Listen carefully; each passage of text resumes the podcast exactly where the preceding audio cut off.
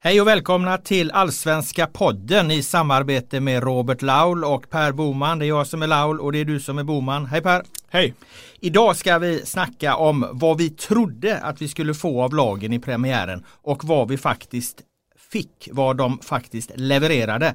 Men först, du har en spaning Boman, för det här är ju tider då alla pratar om wow vad fantastiskt det är att allsvenskan är igång och så vidare. Och här ska du kliva in och, och vara sura gubben direkt och säga att du har helt tröttnat på de här varumärkesbyggande allsvenska krönikorna. Förklara! Ja men du har ju krävt av mig nu eh, som jag, vi pratade om det här om dagen och jag skulle själv skriva en krönika till vår allsvenska bibel. Eh, då gick jag igenom några års gamla krönikor det är ju fortfarande mycket så här, eh, det är inte världens bästa serie, men det är vår serie. Eller, eh, eller så skriver man till och med rakt ut, det här är världens bästa serie. Eh, och så syftar man på 51%-regeln, man syftar på att eh, vi är nära till spelarna, supporterna har makt och så vidare. Och så vidare. Eh, det var ju superintressant när någon skrev det först typ, säg när Simon Bank gjorde det 2003 kanske, 2004 så var han ju väldigt tidig med det. I en tid där folk liksom nästan pissade på allsvensk fotboll och ville berätta att det var så dåligt och det var ingenting, det var ingenting med, med det liksom. Då kunde han skriva de, de krönikorna, Simon. Han var ju, väldigt, han var ju först ute med det och, och gjorde det på ett väldigt bra sätt. Han gör ju inte det längre på samma sätt som han då har sett samma sak som, som jag då tänker jag. Eh, eh, men nu tycker jag att liksom att den typen av krönikor kommer hela tiden och svenska journalister har också den typen av eh, anda också på eh, sociala medier när de skriver till exempel Eh, Eh, i november då när allsvenskan precis har tagit slut så skriver de nu är det 175 dagar till allsvenskan startar igen, jag kan inte liksom vänta och så vidare. Eller så skriver de när det är Champions League-final, jag önskar att det var Trelleborg Örebro istället. Alltså så här, jag tycker att det är ett ganska lite kladdigt och lite, jag tycker man på ett så här utstuderat sätt bygger allsvenskans varumärke och sitt eget personliga varumärke på, på samma gång. På ett sätt som gör att jag ibland då känner, tycker du det här egentligen eller är det här ett sätt att liksom bygga karriär på eller ta sig framåt? Jag inser att det är bottenlöst cyniskt av mig att tänka så, att man är ganska passé och bitter kanske om man ens funderar på de sakerna men men när man väl har fått misstanken att någon säger någonting för att de tror att det är bra för en snarare än att de verkligen känner så, så då blir allting bara grått sådär. Och jag bara säger, det är inget stort problem, men det är ett slags insmickrande som, som är lite lökigt, för om man verkligen älskar någonting så behöver man inte säga det. Eh, som sagt, det var liksom svinfett att bygga allsvenskan 2003, för då var det ingen annan som pratade. Det, fanns inte, det var inte så att folk på stan gick, gick och pratade om Martin Andersson i Elfsborg eller, eller Kalle Ljungberg i GIF Sundsvall. Man var några stycken som tyckte det var intressant. Nu är det liksom mainstream att, att kunna någonting om, om Elfsborgs backlinje. Nu, nu liksom är det, det finns inget skäl längre känner jag att, att liksom okritiskt bygga serien hela tiden och sig själv. Eh, jag älskar tajmingen på din spaning här just av den anledningen att, att det är så mycket så här nu är det vår och nu är kulan i luften och nu är allsvenskan igång och allsvenskan är fantastisk. Och här kommer du med, med, en, med en lång utläggning då om hur, hur jävla trött du är på det här. Det är fantastiskt. Eh, jag skulle vilja revidera dina tidsperspektiv lite dock. Eh, när jag gick in helhjärtat på allsvenskan eh, och släppte den internationella fotbollen eh, runt 2011 så skulle jag säga att det, det var en tid då internationell fotboll under många år hade tagit väldigt mycket av utrymmet i media. Eh, det blev större och större, och hetare och hetare, fler och fler sidor mer och mer på nätet om den internationella fotbollen. Mer och mer liksom redaktionsresurser till exempel på Sportbladet eh, lades på den internationella klubblagsfotbollen. Och där runt åren 2011 fanns det en konflikt mellan, mellan hur man skulle satsa. Skulle man satsa på den internationella klubblagsfotbollen eller skulle man satsa på den inhemska eh, allsvenskan då? Och, och, då hade vi också haft en allsvenska 2010 med, med ett publiksnitt någonstans runt 6000 och, och en premiär som i princip eh, frös inne och Bojan Djordjic pratade om att gräset på Råsunda var så dåligt så det dög inte ens åt hans kossor. Och, så att då, då var allsvenskan eh, han var lite nedtryckt i skorna de åren skulle jag säga och så fanns det den här övergripande konflikten då mellan den internationella klubblagsfotbollen och, och inhemska fotbollen. Och där tyckte jag att det fanns en, en viktig eh, strid att ta och, och, ta den lilla ligan, våran ligas parti då. Eh, så jag vet inte om jag köper det tidsperspektivet att, att det, här, det här resonemanget spelade ut sin roll 2004, det vet jag inte riktigt om det gjorde. Men jag håller med dig idag. För att sen, sen 2011 har det gått ett par år. Och eh, när man tittar på allsvenskan idag så är ju ligan väldigt stark. Den är väldigt välfungerande. Eh, Svensk Elitfotboll, intresseorganisationen runt den fungerar väldigt bra. Eh, supportrarna har blivit en, en maktfaktor istället för någon slags underground-rörelse. Eh, så att idag tycker jag snarare perspektivet, jag håller helt med dig om att perspektivet ska inte vara liksom att hylla det här och lyfta allsvenskan. För det finns inget värde längre. Det här kriget har, har på många sätt vunnits. Allsvenskan står på egna ben. Idag ska man snarare liksom granska supporterrörelserna, granska supportermakten, granska SEF, vara tuff och kritisk mot det och ha det perspektivet istället. Så att av den anledningen så håller jag helt med dig att, att det blir lite konstigt med, med det här journalistperspektivet som hela tiden hyllar allsvenskan. Det fanns en tid då, då jag kände att man kunde göra det just eftersom det kontrasterade mot den internationella klubblagsfotbollen men inte idag. Och, och en av mina främsta kritik kanske är också att det känns tråkigt också. Det känns så gjort så att den här gamla stoltheten som, som vi alla kände och som fortfarande känner, när man hela tiden ska skriva det i de här formulär 1A texterna och tweetsen, då blir det liksom, då tycker jag att den stoltheten kan bli någon slags självgott och rituellt och nästan dogmatiskt. Lite opportunistiskt snarare än någonting pikt. Har vi någon enskild person du vill hänga nej, ut jag, här nu och, ja, nej, och direkt nej, och, och, lägga ribban? Jag... Eh, Blev vi för snälla för dig? Ja, jag är, jag är alldeles för skör också mentalt för att, eh, för att ha någon fade med någon överhuvudtaget. Så att eh, det, det, det är riktat mot ett slags eh, en allmän, allmän känsla än en enskild person. Du sparkar på strukturerna istället för ja, individerna. Det hedrar dig. Eh, mer att säga om det? Nej. Känner dig nöjd? Ja, känns bra att sänka allsvenskan nu, eh, ja, med det här första avsnittet av eh, Allsvenska podden under säsong. Bra, då går vi in på vårt huvudämne. Eh, vi har egentligen bara ett ämne, jag nämnde det lite inledningsvis där. Eh, jag tänker så här alltså, vad, vad trodde vi om lagen inför premiären och vad fick vi egentligen? Och då tänkte jag då går vi helt enkelt igenom eh, lagen ett, ett efter ett i den ordning de spelade och först ut var ju AIK Östersunds FK på Friends Arena. Matchen slutade 0-0. Ehm, vad säger du? Jag säger att det såg bättre ut än väntat för AIK. Eh, jag tycker att, eh, ah, jag vet inte ifall det är en allmän bild om att, att AIK var dåliga, det tror jag inte, jag tror de, ganska många ändå insåg att det var ett ganska bra spel. Eh, men jag, men jag känner att det finns någon slags bild av att samma gamla tråkiga AIK är ute igen, men jag tycker kanske att faktiskt att, att Norling skruvade på de offensiva reglagen ganska bra. I hög utsträckning, utsträckning skapade de mest chanser när de kanske vinner boll högt upp tack vare ett bra pressspel och sådär. Men jag tycker ändå att att de skapar fem, sex riktigt bra chanser, borde gjort mål på någon av dem och borde vunnit matchen på grund av det. Eh, jag har sett AIK vinna matcher utan att skapa en enda chans, om du förstår vad jag menar. Så jag tycker ändå att, att spelet i stort var eh, eh helt okej okay och till och med bra för att vara en premiär. Så jag tycker verkligen inte någon, det är inte någon fara på taket utan det var snarare ett formbesked för, för AIK.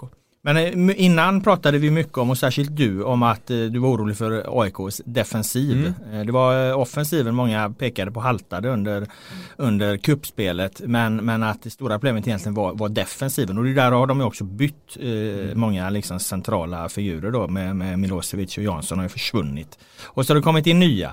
Eh, vad tyckte du om defensiven då ur det perspektivet? Eh, vad gav de i förhållande till vad du trodde att de skulle ge?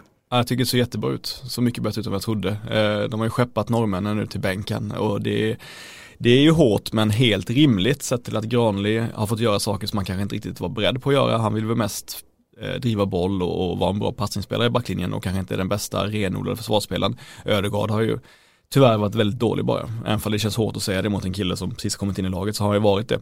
Så det var väl utmärkt att få in Panayotis till höger om Per Karlsson och framförallt Karol Metz till vänster. Han har fått väldigt mycket beröm efteråt. Jag tycker han förtjänar det för han var eh, väldigt bra i passningsspelet tycker jag för att vara första matchen och det är väldigt bra att få in en vänsterfotad inneback då om man kör tre mittbackar så det var jag väldigt imponerad av och så är han väldigt snabb och stark också. Han är hela tiden fram framför sin spelare, vilket kanske inte är så svårt när man har kanske Morrison som såg ganska rundlagd ut så det kanske inte var jättesvårt att hinna före honom rent så vad gäller fysik och sådär.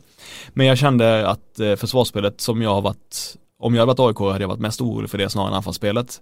Men försvarsspelet satt och det var väl ett, eh, verkligen ett gott tecken. Ja, jag håller med dig att eh, man var mer oro, man var orolig för hur försvarsspelet eh, skulle se ut om man var aik eh, Men anfallet tycker jag inte ger eh, dem eh, den liksom anledningen till optimism som du och även Rickard Norling eh, utstrålar efteråt. Alltså jag tycker snarare att trenden av att AIK får jobba väldigt hårt för sina målchanser förstärktes. Och jag ser inte riktigt vad det är i AIKs spel som kommer att förändras så mycket så att de kommer få en, en enklare väg fram till sina målchanser framöver här. Jag eh, tänker mig att det är väl snarare så här det kommer att se ut för AIK. De kommer få jobba oerhört hårt och mycket hårdare än, än i fjol för sina chanser eftersom de inte har någon Kristoffer Olsson längre. Eh, och eftersom jag tror att man lever kvar i, i, i, en bild av AIK där de var inne i det här flowet under, som de var under hösten och, och eh, de hade guldet inom räckhåll eh, och de växer x antal procent av det. Nu, nu, nu tappar de de där procenten istället och så är det lite jobbigare att ta sig till, till målchansen och så har de inte de där liksom genom kreativa spelarna. Så att eh, jag ser inte riktigt vad det, vad, vad, vad det som ska förändras så, så, så att AIK kommer få mycket enklare fram till sina målchanser.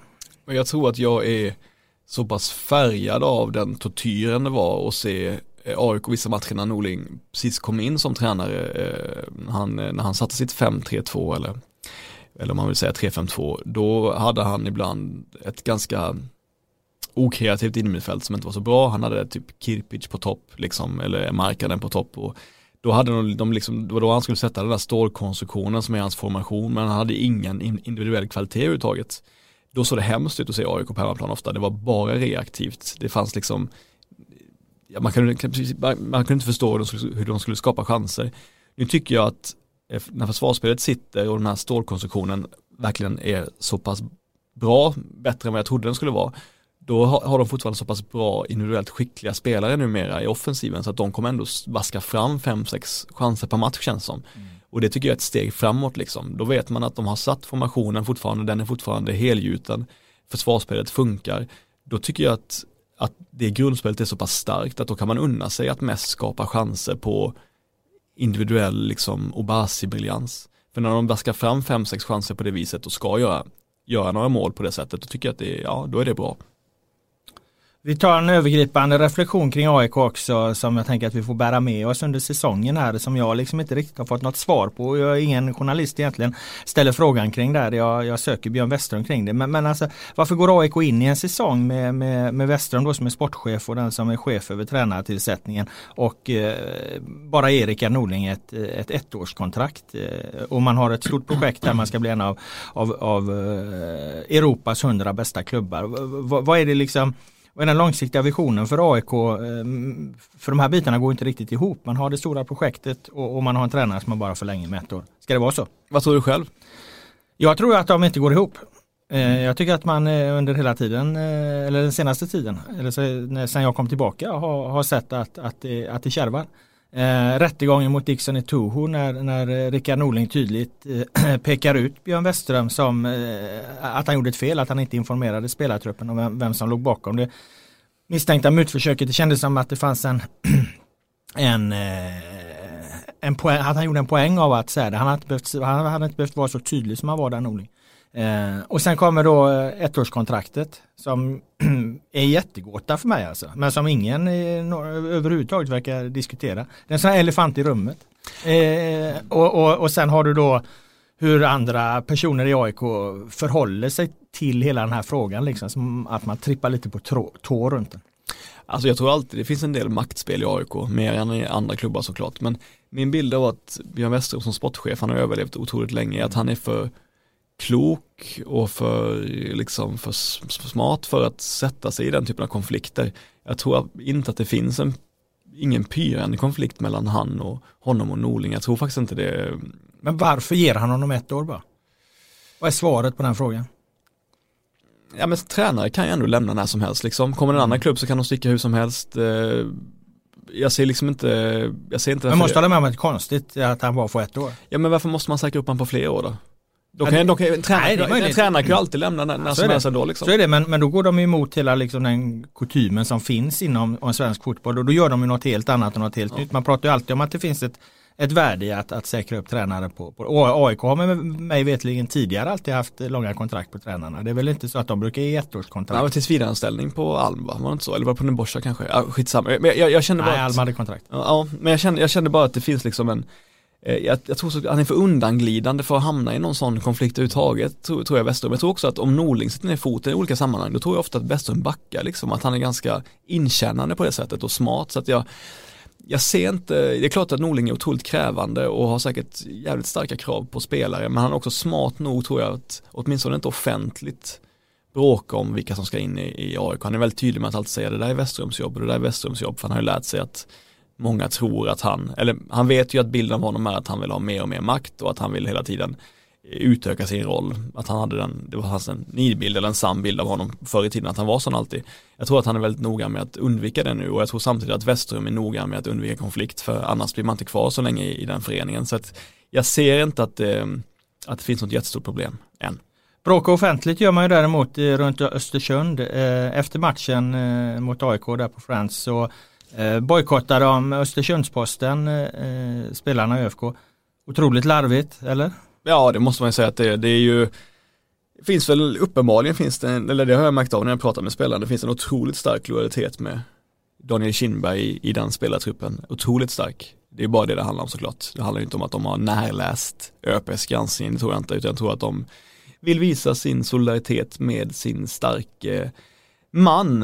Eh, och det är ju jävligt tråkigt såklart som eh, ÖP-reporter när man ska bevaka dem, för det är ju en stor del av deras trafik antar jag när de skriver om Östersundsposten och det är jag helt säker på att ÖFK är väl införstådda med. Så ja. att när de, när de stänger av den kranen så skadar de ju ÖP ekonomiskt ganska kraftigt tror jag. Ja, och det, Ursäkta. Det är otroligt löjligt eh, tycker jag. Eh, jag menar, eh, vi har ju följt det utifrån då och sett vad, vad Östersundsposten har skrivit och rapporterat och det är inga konstigheter. Alltså det som händer i, i, runt Östersund med, med Daniel Kindberg så är unikt. Det är den största ekobrottshärvan en, en svensk fotbollsförening har varit indragen i. Sen är det ingen dom och vi vet inte var det slutar och rättsväsendet har inte sagt sitt och allt det men, men att det är det pådraget runt de här frågorna Eh, att inte Östersundsspelarna begriper det, att de inte har någon i ledande ställning som, som eh, säger åt dem. Det, ja, det, det, är under all kritik och jag tycker Tom Pettersson som ju i andra sammanhang har verkat vara en resonabel och och eh, vettig person. Han gör bort sig fullständigt när han går ut och försöker motivera det här och snackar om någonting som hänt på någon parkeringsplats och så vidare. Det låter som en sån jävla idiotisk eh, bortförklaring. Vad, vad, vad ska du ut och, och, och, säga, prata om det där för Tom? Vad, det, det, det liksom har väl ingenting med saken att göra. Det, det, det är ju, då handlar det om liksom att smutskasta reportrar där på på Östersundsposten. Så nej, där tycker jag Tom Pettersson gör bort sig fullständigt. Och det var väl våran kollega Micke Wagner som gjorde en intressant parallell till man ser hur det ser ut i, landslaget när liksom Robin Olsen kommer med målvakten och kommer med, med hörlurar i öronen och går rakt förbi re, eh, reportrarna utan att och, och titta upp och bete sig liksom som ett dagisbarn. Och så har du Emil Forsberg som, som agerar på ungefär liknande vis. Eh, och, och så legitimerar det då att Östersund eh, bojkottar eh, lokaltidningar en tid då, då eh, journalistiken lever under, under väldigt tuffa villkor. Jag menar Östersund försöker stå för massa positiva värden och, och de spelar eh, med, med teaterpjäser och, och allt det och gör massa bra, bra grejer. Men eh, det är ju jävligt illa liksom att markera mot den fria pressen på det här sättet. Alltså, det borde ta mig fan skärpa sig där uppe. Ja men de är ju klart trängda och det är inte heller första gången som ÖFK liksom, ska säga, utmanar lokaltidningens hegemoni på, på e i Östersund. För de har ju startat en egen nyhetssajt, gjorde de ju för något år sedan, där de eh, liksom hade allt material öppet för att de tyckte att varför ska, varför ska ÖP tjäna massa pengar på låst, inlåst material om vår klubb, då kan vi lika väl släppa det fritt på vår, på vår egen nyhetsplats istället. Så att de är ju, ska vi säga, oortodoxa i sina medielösningar på ett sätt som eh, är liksom så att säga, det är ju sinnessjukt på ett intressant sätt också men, men det är ju inte i grunden inte någonting, någonting bra tycker inte jag. Nej men de får lägga ner det, det, det mm. tycker jag. Vad, vad säger du om, om matchen? Deras prestationplanen? Det är intressant att följa Birchnall och eh, Östersund för att min känsla är att de eh, spelar typ alla spelare ur position på något sätt. Eh, jag vet inte, Sewan Kambo som, jag vet att han kan vara högerback men som wingback liksom, Colket till vänster Eh, eh, Morrison liksom, kanske för högt upp i plan. Eh, jag vet inte, det, det, eh, Isherwood som någon slags strids, stridsmaskin som bara eh, plöjde längs vänsterkanten.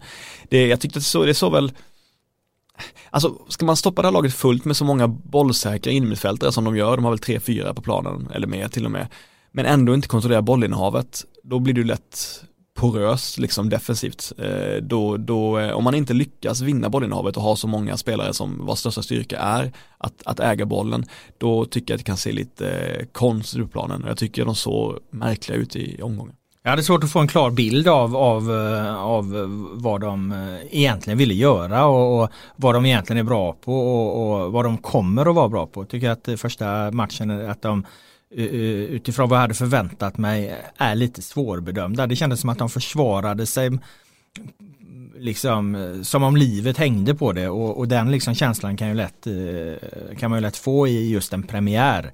Men sen ska man ramla ner i något slags normalt fungerande försvarsspel. Och, ja, där vet jag inte. Där tror jag att flera av deras spelare är någon form av restlager de har som, som backlinje. Eh, och där tror jag att de, de kan bli avslöjade på ett annat sätt. Det är också lite Men svårt att se linjerna i, i, i, deras anfallsspel, hur de ska ta sig till chanser och så här. De, de har ju, det är väl på fasta situationer de har lägen i, i princip mot, mot AIK med, med Sauko Sundbergs nick i stolpen och så vidare. Men, men mycket, mycket mer är det ju inte.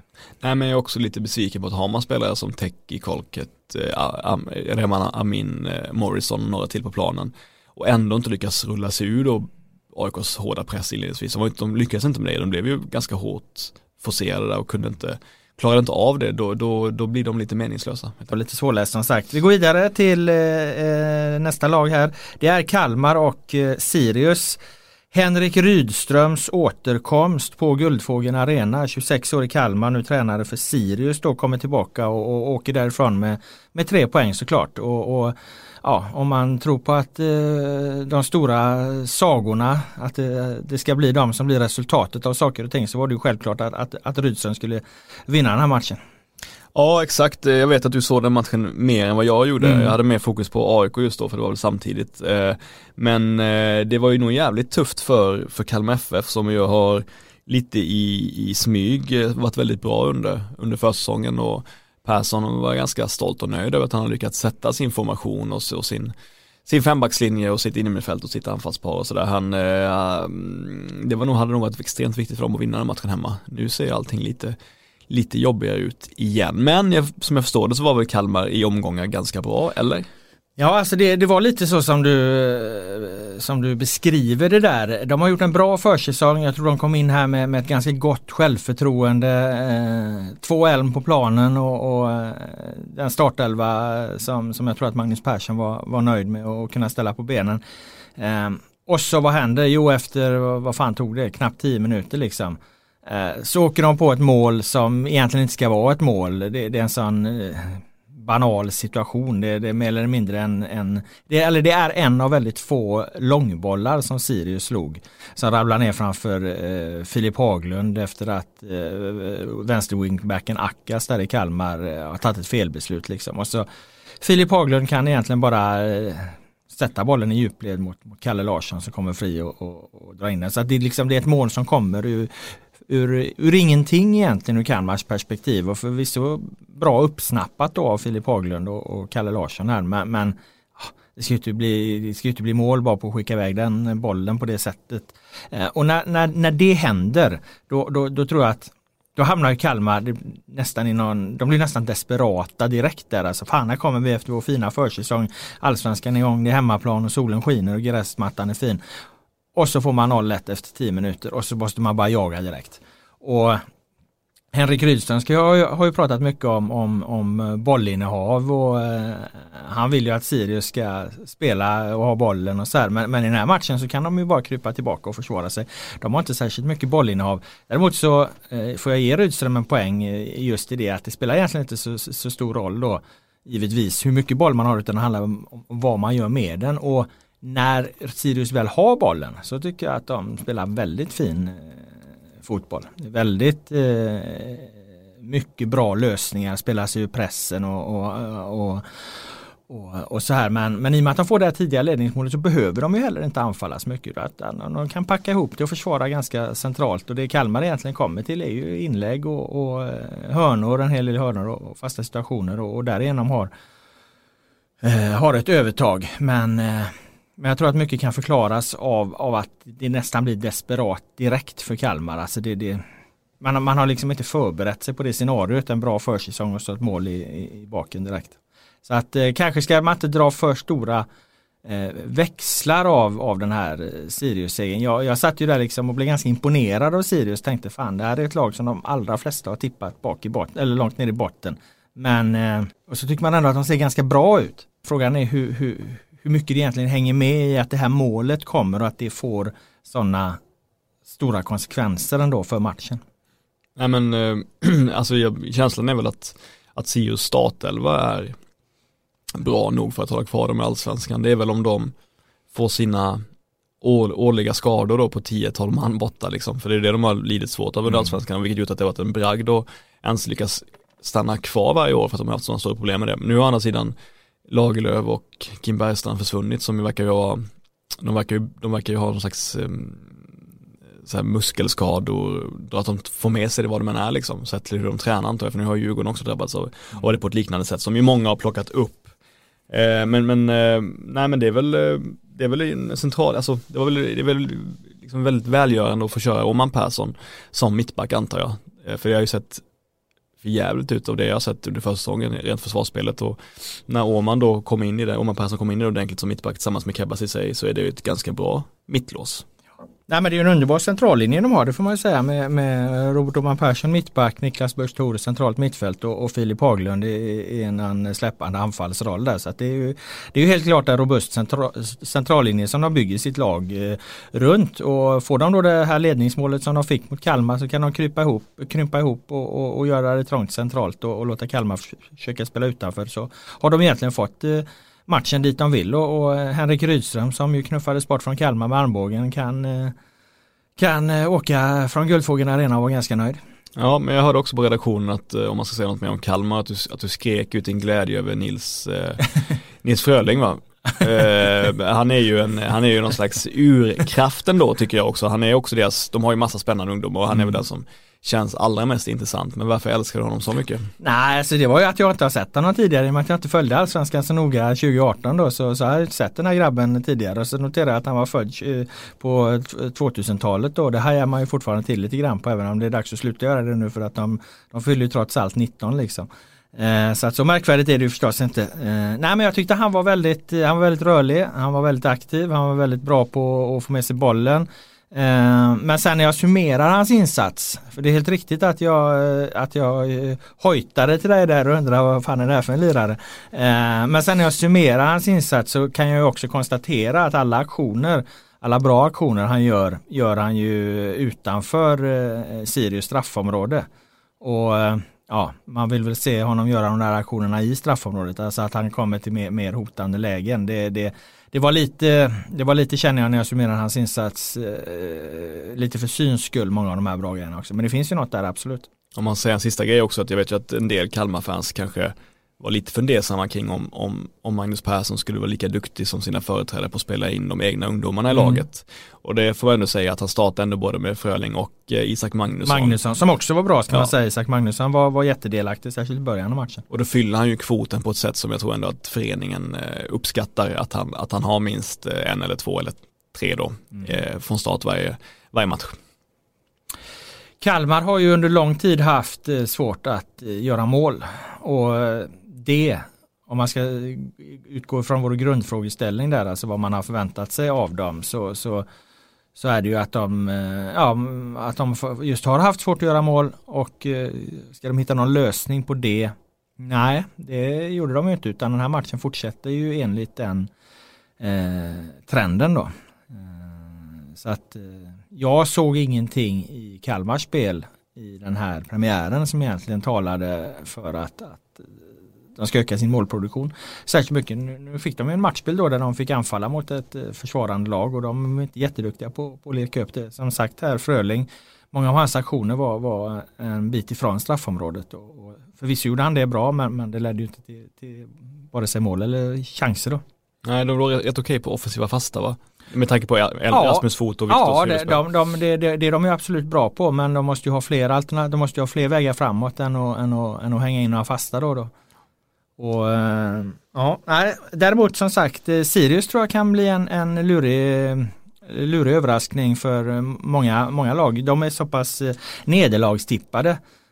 Och det här, det här fastnar ju också bland motståndarna men, men Sirius var ganska jobbiga att möta just den här centrallinjen då och sen att de Rydström har satt sitt, eh, sitt spel då, sitt possessionspel eh, när de väl har bollen.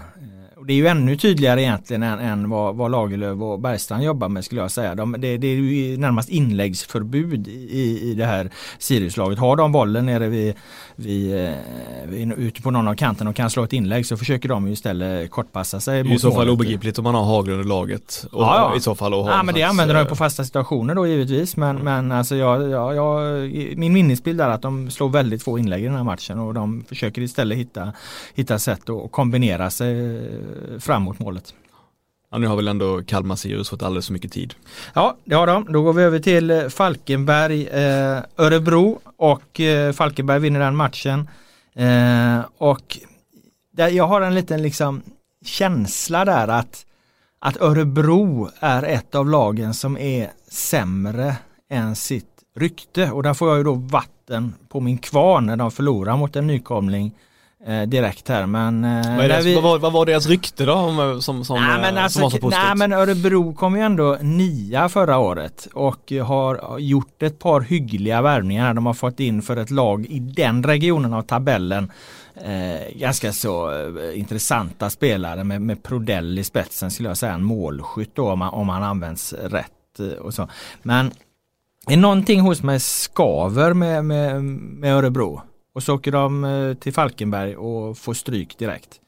Jag vet att du försöker lugna mig lite där att, att, att Örebro inte... Nej men jag, jag är inne på att Örebro faktiskt kan bli indragna i bottenstriden på allvar. Ja det tror inte jag. Jag tror att, jag såg inte den här matchen för den var också samtidigt som andra så jag ska mm. inte säga någonting om själva matchen. Men, men jag tycker att Örebro har sakta men säkert ändå stärkt sin trupp de senaste åren. Ja de tappade Besara och det är tufft och även Kennedy Iboranike som är en av allsvenskans mest underskattade anfallare är också borta. Det är tufft men jag tycker att de har ersatt det bra. Sen har de haft massa liksom, sjukdomar under försäsongen, de har haft många spelare som har missat genrepet, de har liksom inte lyckats spela ihop laget fullt ut. Jag tycker ändå när man kollar på spelare för spelare, vilket jag tycker man ska göra, så, så finns det så pass mycket kvalitet så att jag tror inte det finns en chans att de är, är indragna i en bottenstrid. Eh, jag känner... Vilka fan ska vara i den här bottenstriden då? Nykomlingarna vinner och... Ja men det är, det, det, jag tycker att för att varit med så länge så är det ett misstag av det och, och, och lägga sån kraft vid att nykomlingarna vinner i början. Det gör de ju ofta. Om de ska vinna så ska de vinna under de första fem sex omgångarna. Nu håller jag med dig alltså i grunden om att AFC och, och framförallt AFC är, är, är en väldigt bra nykomling. Men, mm. men jag tycker liksom inte att man ska dra för stora växlar av att de, att de gör bra resultat inledningsvis. Nej men jag ser det som, som så att Helsingborg kommer inte vara indragna i någon bottenstrid. Eh, Falkenberg har ju sitt, eftersom det är de vi handlar om här nu, eller som vi är på deras match här då, så får vi väl förhålla oss lite kring dem. Falkenberg har ju då sin fördel och den tycker jag är ganska intressant. De har liksom i en konstgräsliga eh, gått all in på att eh, på, på det här gräset ska vi vara, vara eh, omöjliga att besegra. Eh, vi ska ta våra poäng på den här hemmaplanen. Eh, vi har vårat gräs och vi har, har vår hemmaborg och, och så här. Och, eh, ja, det börjar ju bra för dem då med, med, att ta en seger direkt. Det var nog extremt viktigt för dem. Nu har de börjat bygga, bygga på den här känslan då. Eh, de kommer också bättre än, än till exempel AFC i superettan i fjol. Så att de blir nog inte särskilt eh, lätta att ta sig med heller där på, på hemmaplanen. Så att eh, Ja, vad får du om, du om du vinner alla dina hemmamatcher? Då har du skrapat ihop 45 mm. poäng, då är du inget mm. bottenlag. Nej men det är klart att de inte kommer vinna alla sina hemmamatcher, men de kan vinna många av dem. Så tar de lite poäng borta. Så. Ja men tar man liksom Örebro som du nämner, jag tycker att eh, från mittfält och framåt så har de ett stabilt mittenlag. Det är mittbackarna som i så fall eh, kan mm. vara ett problem. Jag tycker Iron, Mike, Almebäck eh, är ju inte lika snabb längre, vilket var hans största styrka. Jag tycker aldrig han har varit en särskilt positionssäker mittback, så det är ett problem. Brorsson och Granlund eh, har ännu inte visat på allsvensk nivå att de är stabila eh, mittbackar. Så där finns det ett problem. Det gör det verkligen i Örebro, men de har problem med en lagdel mm. enligt mitt sätt att se på det. Det finns många andra svenska föreningar som har problem i två lagdelar eller fler. Mm. Vi går vidare med andra förmodade och förväntade bottenlag då för att eh, den matchen som följde därpå eh, var ju AFC Eskilstuna IFK Göteborg och eh, en klart rättvis seger för AFC Eskilstuna skulle jag säga. Eh, och när man då påstår det så blir man ju synad eh, av många som reagerar med större förvåning över att att AFC vinner över IFK Göteborg. Men, men jag skulle säga så tittar man på tittar man på målvakterna kan man väl säga att det är ganska jämnt. Eh, tittar man på mittbackarna eh, kan man säga att, att eh, Starfelt eh, är, är, är bättre än, än, eh, än AFCs eh, men Kalisir är sämre så att det är jämnt på mittbacksidan också. Ytterbackarna har AFC klart bättre. Sittande mittfältare i Anel Rashkai och Felix Michel är, är AFC klart bättre. Eh, Nalic som tia, eh, klart bättre än, än Paka Lagemyr eh, i, i meningen att han rör sig mycket större ytor, mycket bättre löpningar, kanske inte bättre med boll men, men får ut mycket mer av det. Man har Avdic som är mycket bättre referenspunkt än Robin Söder tar in bollarna och sen kan man väl säga att det är jämnt då på, på ytter, ytterkanterna där tycker jag att både Göteborg och och, och AFC har ganska bra spelare. Och så tittar man på tränarna så är det klart att Nemanja Miljanovic slår eh, på Ashbagi på fingrarna alla dagar i veckan. Eh, så att Ja, alltså för mig är det helt logiskt att, eh, att eh, AFC vinner den här matchen med, med två måls marginal sett till hur de ställer upp i den, i den, i den enskilda matchen. Ja, nej, du behöver inte övertyga mig om att Blåvitt har en svagare trupp, men det är klart att pulsen går ju upp i alla fall hos mig när jag sitter på redaktionen och ser att, att Blåvitt släpper in mål mot AFC och håller på att förlora. Och så kommer jag bort till det och säger, vad fan det här är ändå stort att, att Blåvitt eh, eh förlorar mot den, mot den här nykomlingen eh, så här snabbt liksom. Det är ändå, oavsett eh, lagens kvalitet så är det ändå en stor grej. Då bara viftade du bort mig och sa, det är väntat. Och då blir man ändå lite provocerad liksom. Det är ändå, jag tycker ändå, ja, ja det kanske är väntat spelmässigt men det är ändå en stor grej att, mm. för att jag menar jag tror ändå att de hade hoppats väldigt mycket, väldigt mycket på den här matchen, IFK Göteborg och Poja på att bygga någon typ av momentum, om man får använda det förkastliga ordet så nu är det ju, det känns ju, måste vara otroligt jobbigt att få en krismatch direkt nu mot Elfsborg, för det är det ju. Mm. Men, eh, Men eh, nu när vi fördjupar och tittar ja. liksom på lag spelare för spelare, alltså, håller du inte med om den analysen då att, att när man, man ser lagen framför sig så är det väl inte konstigt att AFC vinner den här matchen med 3-1. Eller vad är det som talar för att IFK Göteborg skulle ha vunnit nej, men så, ja, men Ska gå spelare för spelare så, så, håller jag inte med dig om att det, alltså det finns många spelare som skulle kunna platsa i AFC där om de användes rätt och, så, så, och hade toppform. Sebastian Olsson hade kunnat göra det, var jättebra wingback i AFC liksom.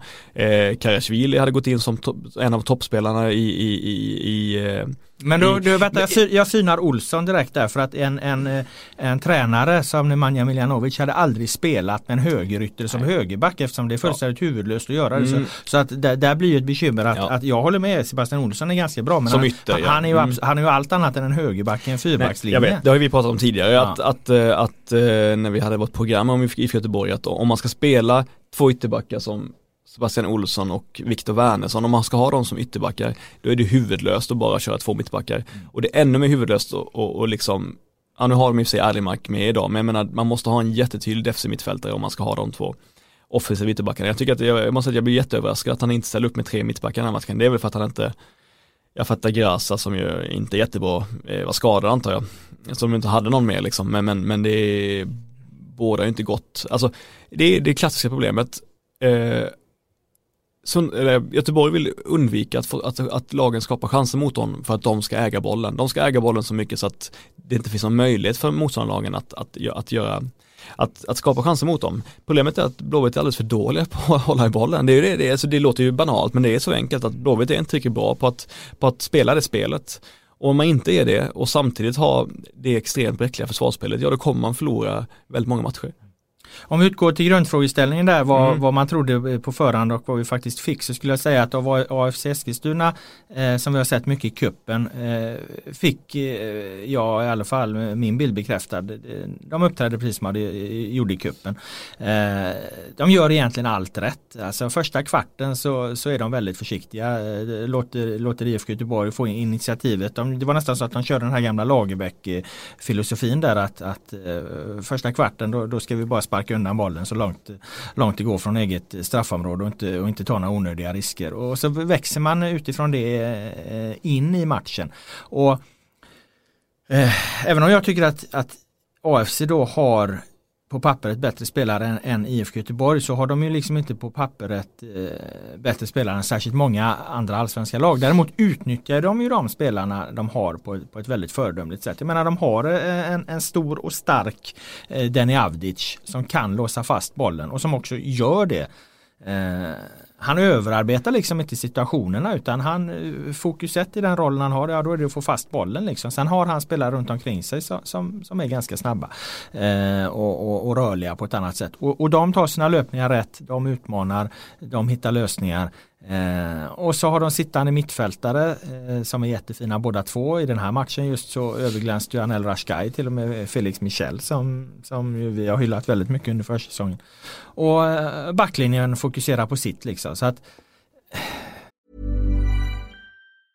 Mom deserves the best and there's no better place to shop for Mother's Day than Whole Foods Market. They're your destination for unbeatable savings, from premium gifts to show-stopping flowers and irresistible desserts. Start by saving 33% with Prime on all body care and candles. Then get a 15-stem bunch of tulips for just $9.99 each with Prime. Round out Mom's menu with festive rosé, irresistible berry chantilly cake, and more special treats. Come celebrate Mother's Day at Whole Foods Market.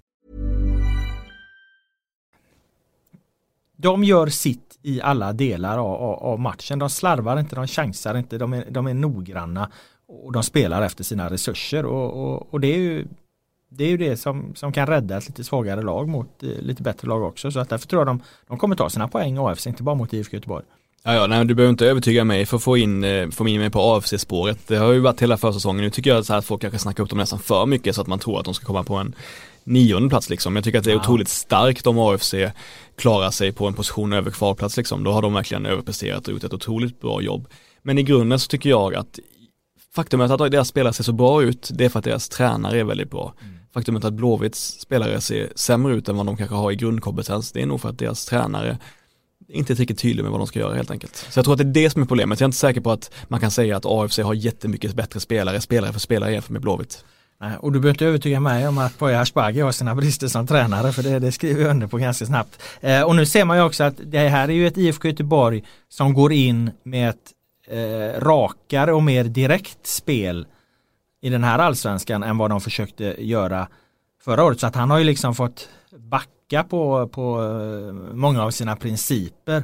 Och jag vet inte riktigt hur, hur, hur eh, jag tycker ju aldrig att det här liksom projektet skulle ha inletts med sån kraft då som det gjorde 2018 eftersom man visste att 2019 är ett ödesår med att pengarna går upp 2020. Därför skulle man avvakta, man skulle gjort det mycket försiktigare eh, sätt att försöka förändra IFK Göteborg i, i grunden. Börjat eh, eh, tydligare med ungdomsled och så vidare och inte gjort revolution. Alltså det är vad man har gjort i IFK Göteborg. Man har, man har gjort revolution i helt fel läge med helt fel personer eh, med helt fel plånbok och, och under helt Eh, fel eh, tidsperiod. Alltså det, det är det som har försatt IFK Göteborg i, i den här situationen. Nu försöker man någonstans eh, gå tillbaka till att spela lite mer, mer direkt och, och, lite rakare som sagt och då har man heller inte riktigt de, de spelartyperna så då blir det varken hackat eller malet och, och eh, jag ser inte vad jag ser inte riktigt vad IFK Göteborg idag då egentligen ska stå för utan det, det, det verkar bli mm, att man liksom vacklar mellan olika delar och du pratar om att, att Poja är otydlig där. Ja, jag tror att det upplevs så från spelarhåll också. Jag måste, alltså jag måste också säga att jag, jag tycker liksom att jag blir nästan yr nästan eh, som att jag, hela verkligheten svajar för mig när jag tänker på att vad som kommer hända om Blåvitt åker ur i år. Mm. Jag, jag, man blir ju uppriktigt ledsen och orolig för hela föreningens existens med tanke på den ekonomiska situationen. Alltså det är, det är ju, alltså jag är kallsvettig, det här är ju, det är en skräckfilm.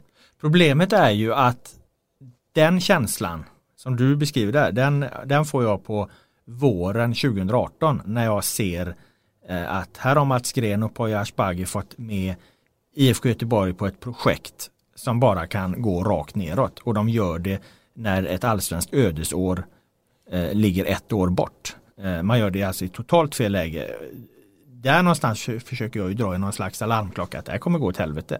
Men då får man ju hela, hela, i princip hela föreningen mot sig för att de har sålt in det här Eh, under liksom pompa och ståt och, och, nu kommer det nya IFK Göteborg och det åker dit journalister och skriver hyllningsreportage. Och, och, alltså det blir ju en sån spiral liksom bara för att man någonstans vill det så väldigt gärna och vill att det här ska bli, bli bra. När den objektiva bilden är att det här kommer förmodligen gå åt helvete. Alltså, det var inga höga odds på att det där skulle gå åt helvete och, och, nu står vi med en sån situation och nu börjar väl människor liksom som runt föreningen vakna där. Nu börjar det pratas om att ja men Poja kanske inte är som fantastisk tränare ändå och det här kanske inte var så jävla smart och vi kanske ska gå tillbaka liksom till det gamla och så vidare. Men, men problemet är att det skulle aldrig inletts vid den här tidpunkten som det gjorde. Det skulle aldrig inletts våren 2018. Det är där grundproblemet ligger. Det är därför IFK Göteborg är i den situation de är idag. Jag tycker liksom inte heller man kan säga att det problemet är att de försökte spela en mer spelande fotboll liksom. Det tycker jag liksom det, det, det, håller jag inte med rakt av. Däremot så kanske det men var det, så... det, med det följer ju en värvningsstrategi ja, så att de idag ja, står med en trupp. Precis. De står idag med en trupp där det inte finns någon plan B. Det är väl snarare de som utförde det som inte var skickliga nog på att göra det i så fall, det här eh, rekonstruktionen. Det är väl det, alltså jag tycker så här, jag tycker man ska ha tål, alltså det finns, tålamod är ett modord med all rätt liksom. För, för att det finns, vi har ju många exempel som, som Potter och så vidare som, som har visat att om har man tålamod med någon som är genuint skicklig så kan det bli väldigt bra.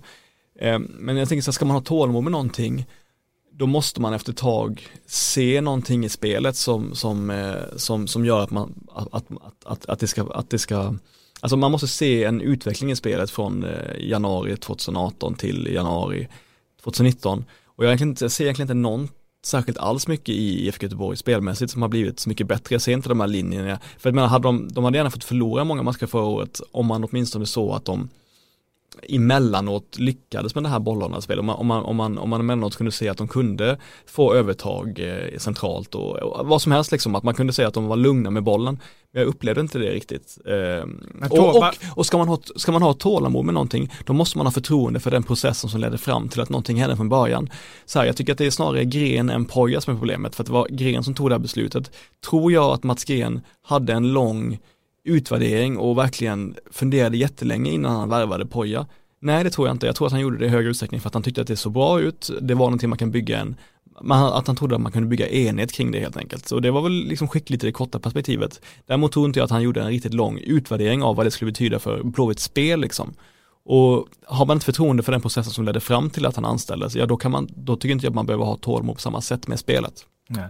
Han gjorde det i hög utsträckning för att rädda kvar sig själv. Liksom. Det var ju nödvändigt att, att, att få just den här positiva eh, flowet som eh, IFK Göteborg-supportrarna hakade på kring där. Annars hade ju han inte haft något mandat att fortsätta. Han fick ju sen gå eh, ganska kort tid senare. Men, men det var också sätt, hans sätt liksom att överleva. Att nu, nu bygger vi om och nu gör vi något nytt. Och så fick han med supportrarna på det. Det är ju, det är ju en anledning till att det det genomförs. Men eh, jag håller helt och fullt med. Jag tycker också att, att IFK Göteborg ska arbeta för att utvecklas i en mer spelande riktning och allt det Men det är, alltså jag hänger hela tiden upp mig på tidpunkten. Eh, alltså man gör det vid ett tillfälle när föreningens ekonomi är extremt utsatt. Det, det är ett generalmisstag att, att försöka förändra eh, spelet på, på det här revolutions revolution, genom en revolution liksom, när man inte har några pengar.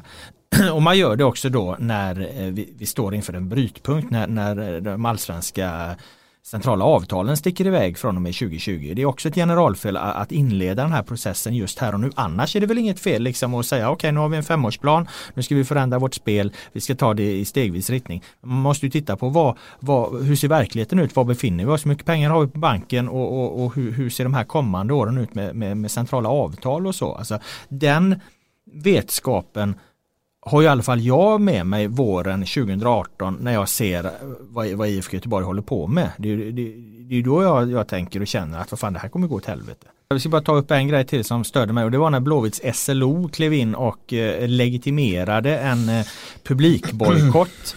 Eh, att eh, en del av supportergrupperna ville inte åka till eh, Eskilstuna och eh, SLO kliver in och säger vi lämnar inte ut någon bortaresinfo. Man tar liksom alltså någon form av, av eh, man gör en markering i att man står bakom den här eh, bojkotten. För det fanns ju andra IFK-supportrar som ville åka på den matchen. Nu såg vi att det stod ett par 50-100 Blåvitt-supportrar som, som var vuxna nog att strunta i det här.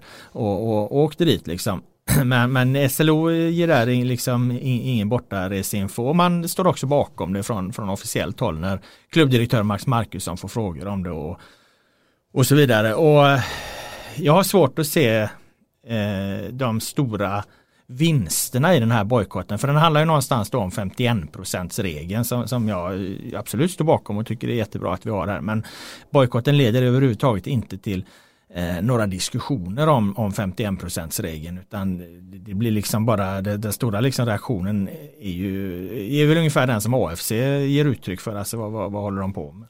Alltså jag tycker att eh, jag tycker man har rätt att se AFC som en invasiv art i svensk föreningsdemokrati. Jag tycker att de har så mycket tveksamheter i, sin, i hur de sköter sin förening att det finns, man har, tycker att det är bra att eh, markera mot det. Tycker det är viktigt att man upprätthåller ändå eh, eh, att man upprätthåller ett, en viss nivå på hur, hur, hur en förening ska skötas i, i, i Sverige. Men, de fick, men vad jag menar är att de fick ja, ju inte ja, den effekten, exakt. det blev liksom ja, ingen debatt ja, Men jag känner bara att, liksom att, och det bästa sättet att göra det på, det är väl utmärkt då. Alltså, ett tag så kändes det som att den, den, liksom, den, den största så att säga, kampen mot eh, AFC var, var att kalla dem horungar typ liksom. Att det var liksom den mest eh, tydliga kampen man förde mot föreningsdemokratin och det tycker inte jag kanske var så begåvat alltid, det kändes mest liksom lite trist och sådär. Men nu när man, många föreningar har ju då valt att slå där det gör som, eller många supportgrupper har velat slå där det gör som mest ont, alltså på bössen, att man, att man, att man ser till så att Ryssholm inte får in så mycket pengar helt enkelt genom att man inte åker och fyller deras bortasektion. Det är väl ett alldeles utmärkt sätt att, att, eh, att kritisera någonting på, på, på, att, på att göra det på det sättet. Ja, eftersom det liksom inte blir någon debatt om 51%-regeln så, misslyck vet du det? Vänta, okay. så misslyckas ju det. Och eftersom eh, du nämner pengarna då så får man ju köpa det. För att ja, det, det, är ju ett argument för det. Men då tycker jag att då fokuserar man på fel sak. Alltså. I, I en förening är det, är det viktigt liksom att, att eh, det där man kan göra mest nytta, att det är det man ägnar sin huvudsakliga energi och, och, och, och eh, ser som sin huvudsakliga uppgift. Alltså är du på marknadsavdelningen, då ska du inte ut på plan och lira utan då ska du, du dra in eh, sponsorer. Eh, är du klubbdirektör då ska du göra vad som åligger dig som klubbdirektör. Är du fotbollsspelare eh, som en del i truppen då ska du göra ditt absolut bästa för att vinna matcher. Och är du supporter då ska du i alla lägen supporta. Det är ju liksom det, det som är huvuduppgiften Eh, eh, för en supporter. Annars underkänner man ju hela liksom maskini, maskineriet någonstans. Sen kan man ju på olika sätt ta upp eh, viktiga frågor som man tycker är viktiga för fotbollen som helhet. Men när det får stå över det som är just eh, supportrarnas viktigaste uppgift då, det vill säga att supporta laget, då blir det, ett, då blir det fel. Ja men det tycker du ja. ja men, det, men det är ju inte, det, det, ja, många anser ju att föreningsdemokrati, alltså de tycker väl att det är så pass så här, det, alltså, det, är, ju inte många, alltså, nej, de flesta föreningar okay, åker till AFC. Ja, det är ganska många storklubbar som, som bojkottar. Det är väl Malmö, Elfsborg, Helsingborg. Hammarby gjorde det något år tror jag. Ja, men inte nu va? Nej, men, ja, men alldeles, alldeles oavsett så, så tycker jag att det är väl ett eh, Alltså om man är beredd på att ge avkall på det man älskar mest då, att följa sitt lag för att man tycker så illa om någonting så att man inte åker dit, då är det en ganska stark markering också ju. Alltså det är väl ett liksom, jag gör avkall på att, på att jag älskar att följa mitt lag, jag älskar att åka på bottenmatcherna, men nu gör inte jag det för att jag tycker så pass illa om hur den här föreningen sköts. Det är väl en jättestark markering ändå liksom. Ja, definitivt inte. För att jag menar om du ska ha en fungerande verksamhet då, du, du, kan ju ta många strider men du kan ju aldrig ge avkall på, på det som är det viktigaste. Om, om marknadsavdelningen slutar och, och, och, och, göra det de, eh, som är absolut viktigast för dem. Det vill säga dra in sponsorintäkter för att det finns andra eh, högre syften. Då krackelerar ju hela verksamheten. Därför menar jag att, att det, det är i grunden fel att ge avkall just på, på, på supporterskapet i den här Hur skulle man protestera matchen. mot eh, AFC då? Vad skulle man göra? Vad ska man göra? Ja, ska de protestera? Ja, då ska de ju givetvis protestera mot Svenska fotbollsförbundet eller Svensk elitfotboll. För att eh, de, det är ju de som sätter reglerna. Eh, AFC bryter ju idag inte mot några regler och då blir ju liksom om, om det dessutom då blir så att flera supporter, större klubbar går ihop och alla riktar in sig mot AFC istället för att rikta in sig mot de som styr regelverket, det vill säga Svenska fotbollsförbundet, Svensk elitfotboll, ja då blir det bara en spark neråt istället mot en ganska liten förening. I så fall får man ska man då gå ihop och göra det här som du är inne på att Helsingborg, Malmö och Elfsborg och Hammarby gjorde något år och så vidare. Ja men ta liksom markera, sparka uppåt, sparka mot Svenska fotbollsförbundet, sparka mot de som tillåter att, att reglerna ser ut som de gör. För att om man ska börja Eh, eh, titta på det ur det perspektivet. Ja, vad är fan skälet till att man inte bojkottar exempelvis Östersund? Där kan man ju snacka om Men- att det verkar som ja. att man har tänkt, tänkt på reglerna något så in Men i de kanske, inte helvete. var, de kanske inte var ute efter en offentlig debatt om 51%-regeln. De kanske bara ville slå där det gör som ondast för de som styr föreningen på det sättet liksom. Alltså Mm. de styr, de, det gör ju ont för av sig. De är, det är jätteviktigt för dem att få in de här pengarna. De får inte in de pengarna. Ja, då kanske de tror att på det sättet ska, kan de få Ryssholm att förändra, att, att, göra, eh, att göra förändringar i sitt i hur föreningen sköts så att det mer är enligt gängse eh, sätt i Sverige liksom som, som, som de andra föreningarna sköts. Det, är ju, det kan ju vara jätteeffektivt. Vi drar vidare till eh, Helsingborg IFK Norrköping. Ytterligare en nykomling som vann alltså den tredje nykomlingen då. Eh, du följde den här matchen eh, Mm. Boman. Vad, vad, vad är din liksom, vad är den, vad är den stora bilden du tar med dig av den matchen? Eh, Att jag var, jag skrev ju lite publikfriande kanske att fan vad bra ni var Helsingborg. Det inte bara publikfriande, det är ganska slappt skrivet får man kanske säga, men jag, det var ändå min känsla att jag blev överraskad över hur pass skickligt de tog sig an IFK Norrköping. Det jag skrev att de är någon slags eh, PRO-förening för de har ju en otroligt hög snittålder på en bit över 30 i det här laget eh, och de såg så oerhört trygga, i, trygga ut i allt de gjorde. Liksom Marcus Holgersson som som man kanske orättvist kände var ett slut och ett träben för fem år sedan liksom. han, han, han gick in och var jättefin som mittback tillsammans med Granqvist. De gick in framför sina anfallare hela tiden och bröt boll, de var extremt lugna när de väldigt fint spelade sig ur eh, Norrköpings ganska intensiva återerövringspress. De har, såg inte det minsta stressade ut. Wanderson kan vara den söligaste spelaren jag sett på en, på en svensk fotbollsplan. Men han var liksom ändå skicklig i de, i de avgörande lägena. Eh, Abubakari har alltid varit en favorit. Jag trodde att han var, hade blivit sämre jämfört med hur han var när han var som bäst i Häcken och Åtvidaberg. Men han håller fortfarande hög allsvensk klass. Rasmus Jönsson var precis sådär finlämmat elegant som han var när han var här senast. Jag, ehm, jag tror inte att Helsingborg kommer kunna upprätthålla det här över en hel säsong. Men jag tycker att de gjorde kanske den starkaste insatsen av alla lag eh, nu på, under premiäromgången. Ja, rubriken på krönikan du skrev om det var ju Fy fan vad bra. Ja, och precis. eh, här sitter du och kastar skit på mig för att jag hyllar nykomlingarna alldeles för mycket. Ja, när, det, när det är du själv som går i främsta ledet. Det är väl det man ser kanske inte Helsingborg som en klassisk nykomling så man glömmer nästan ibland bort att de, att de är det för de har ju ett lag eh, i alla fall en startelva som är eh, ja, med topp 10 liksom. Så att, men jag, jag, jag var, det är så, alltså sett till hur bra Peking var förra året och hur ofärdiga de såg ut, hur, hur bräckliga de såg ut och hur, eh, hur lagdelarna inte satt ihop. Om man jämför då med, med Helsingborg där allting bara satt så, så, så, så måste man ge stort beröm till P.O. Jung. Eftersom den här matchen gick samtidigt som AFC Göteborg då så, så är det här en av de matcher jag inte sett någonting av. Eh, men en känsla jag tar, tar med mig från eh, utifrån vårt eh, ingångstema på, på den här diskussionen, alltså vad, vad förväntar vi oss, vad fick vi, är ju att IFK Norrköping eh, kan vara lite eh, floppvarning på dem i år. Eh, sa redan när jag intervjuade Jens Gustafsson, eh, managern inför säsongen och, och, och han tog väldigt mycket fasta på det då för han är, han är lite rädd att de har svävat iväg Norrköping och så här och det har han jobbat hårt med att få dem att inte göra. Och kanske också just då att Sead Haksabanovic är en eh, floppvärvning. Du som såg matchen, vad ger, vad ger du mig utifrån eh, mina, mina förhandskänslor kontra vad vi fick i premiären? Jag tycker inte Haksabanovic var det största problemet. Nej. Eh, Det är svårt för honom att komma in och liksom dominera så här direkt. Jag tycker han var helt okej. Jag är inte för valp idag.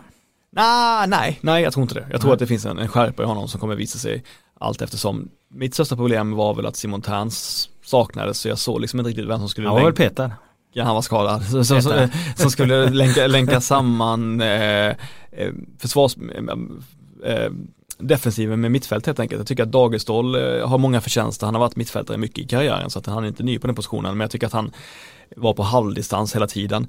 Men det största problemet är de tre mittbackarna som ju, ja, idag var det då, eller igår var det, var det igår?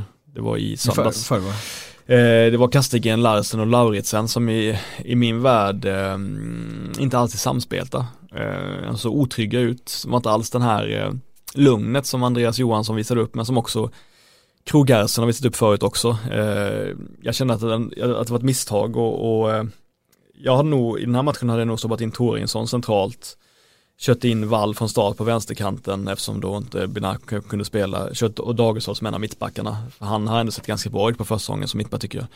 Eh, Isak Pettersson som alltid får väldigt mycket beröm för sitt spel med fötterna var tycker jag katastrofal i passningsspelet. Jag slog bort hur många bollar som helst och det tror jag att han gör för att han kände sig osäker på om man skulle kunna rulla upp bollen till sina mittbackar och, och när Norrköping saknar det tidiga igångsättandet, när de hela tiden blir stressade, när de hela tiden tappar boll, när de, när de känner det här lugnet i det tidiga uppspelet så, så tror jag att hela laget skadades av det. Att liksom kanalerna stängdes av till Fransson och till Haksabanovic. Så att mitt problem med den här matchen var eh, i första hand eh, de tre mittbackarna. Men du ser, eh, du ser inte det här som början på en trend utan du ser snarare det som en, en enskild tror, enskildhet ja, liksom. Tycker att, att de hittar, det här hittar de tillbaka till eller det här hittar de rätt ganska snart igen eller? Jag tror det, Jens Gustafsson är så pass skicklig som tränare och han har haft plumpar tidigare som de snabbt har kommit tillbaka från. Sen så är det, jag vet att Norrköping-supportrarna tycker att det är en nidbild men sen tycker jag också att Peking är ganska svaga på gräs ofta. Mm. Eh, det är ju sorgligt om man ska säga det att ett lag är svagt på gräs men, men, men, men jag tycker att de är eh, jag tycker att de ofta har problem på gräs så att jag, jag, jag känner att det är alldeles för tidigt att liksom döma ut dem. Tre eh, säkra till för Falkenberg då när de kommer till Falcon ja, alkoholfria arena. Absolut, nej men Norrköping är ett lag som absolut skulle få problem på, på, på, på det gräset. Men, men, men nej men det, det är ett bekymmer att, att, att han har hattat så mycket med de tre mittbackarna, säkert på grund av skador och så under försäsongen, men ändå, det, det, är ett bekymmer för det, det, det, är ändå på något sätt ramverket man måste ha med sig. Så att eh, det var, det var, eh, det var, jag såg inte, jag såg inte hur laget satt ihop helt enkelt. Så får jag säga. Vi går vidare, vi hoppar rakt på måndagens tre matcher då eh, där ju eh, flera av topplagen, de förmodade topplagen klev in i Allsvenskan. Jag tycker vi börjar med eh, Djurgården-Sundsvall 2-2. Du var på den matchen. Eh, jag vill förstå varför Djurgården, hur Djurgården kan tappa en 2-0 ledning. Ja, nej, När man får en sån, det måste vara en, en drömstart på allsvenskan, kliver in inför hemmapublik och, och, och gör precis det man Bergstrand, Laglöf, nya tränarna vill göra. De vill dominera matcherna och man får 1-0, man får 2-0.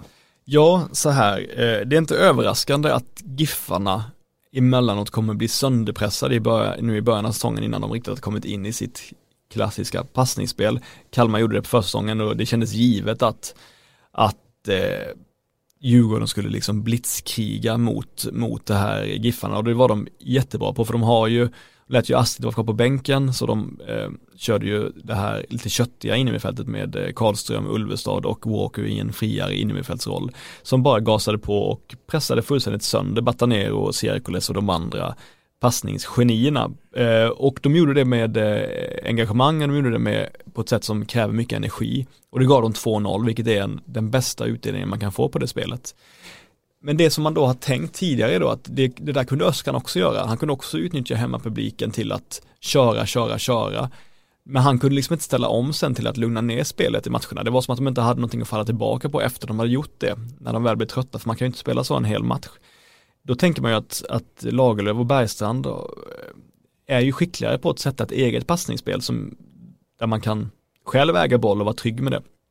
Och det tyckte jag att de har lyckats med också ganska mycket nu försäsongen. Men det gjorde de inte nu mot Giffarna. Nu är Giffarna också ett exceptionellt svårt lag att, att äga boll mot eftersom de själva äger bollen den här tiden. Liksom, helt enkelt är bättre än de flesta andra på det.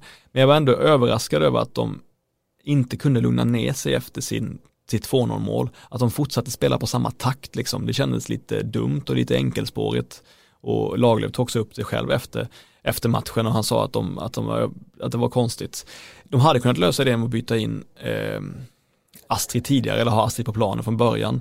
Ja, nu, nu, nu kvitterar ju Sundsvall ganska snabbt efter halvtidsvilan så de kanske inte hade det de kanske hade tänkt ta in han tidigare. Han hade kunnat komma in, lugna ner spelet, visa att vi kan äga bollen och vara trygga med det utan att gå till anfall var tionde sekund liksom. Men, eh, men, eh, nej, men det var helt enkelt ett uh, orutinerat av, av laget framförallt att inte, att inte lyckas lugna ner sig. Mm. För Sundsvall känner jag lite att jag tänker så här, det kanske jag drar för stora växlar av det, men att det nästan är lite så här säsongsdefinierande att de tog ikapp de här 2-0. Alltså jag menar alla vet ju att GIF Sundsvall kommer från en av, av föreningens bästa eh, säsonger någonsin 2018. Eh, och bilden av Sundsvall är typ att de gör aldrig två bra år någonsin och, och när de gjorde en, en någorlunda liknande bra säsong här i mitten av, av, av 00-talet där. Då åkte de ju rakt ut året efter.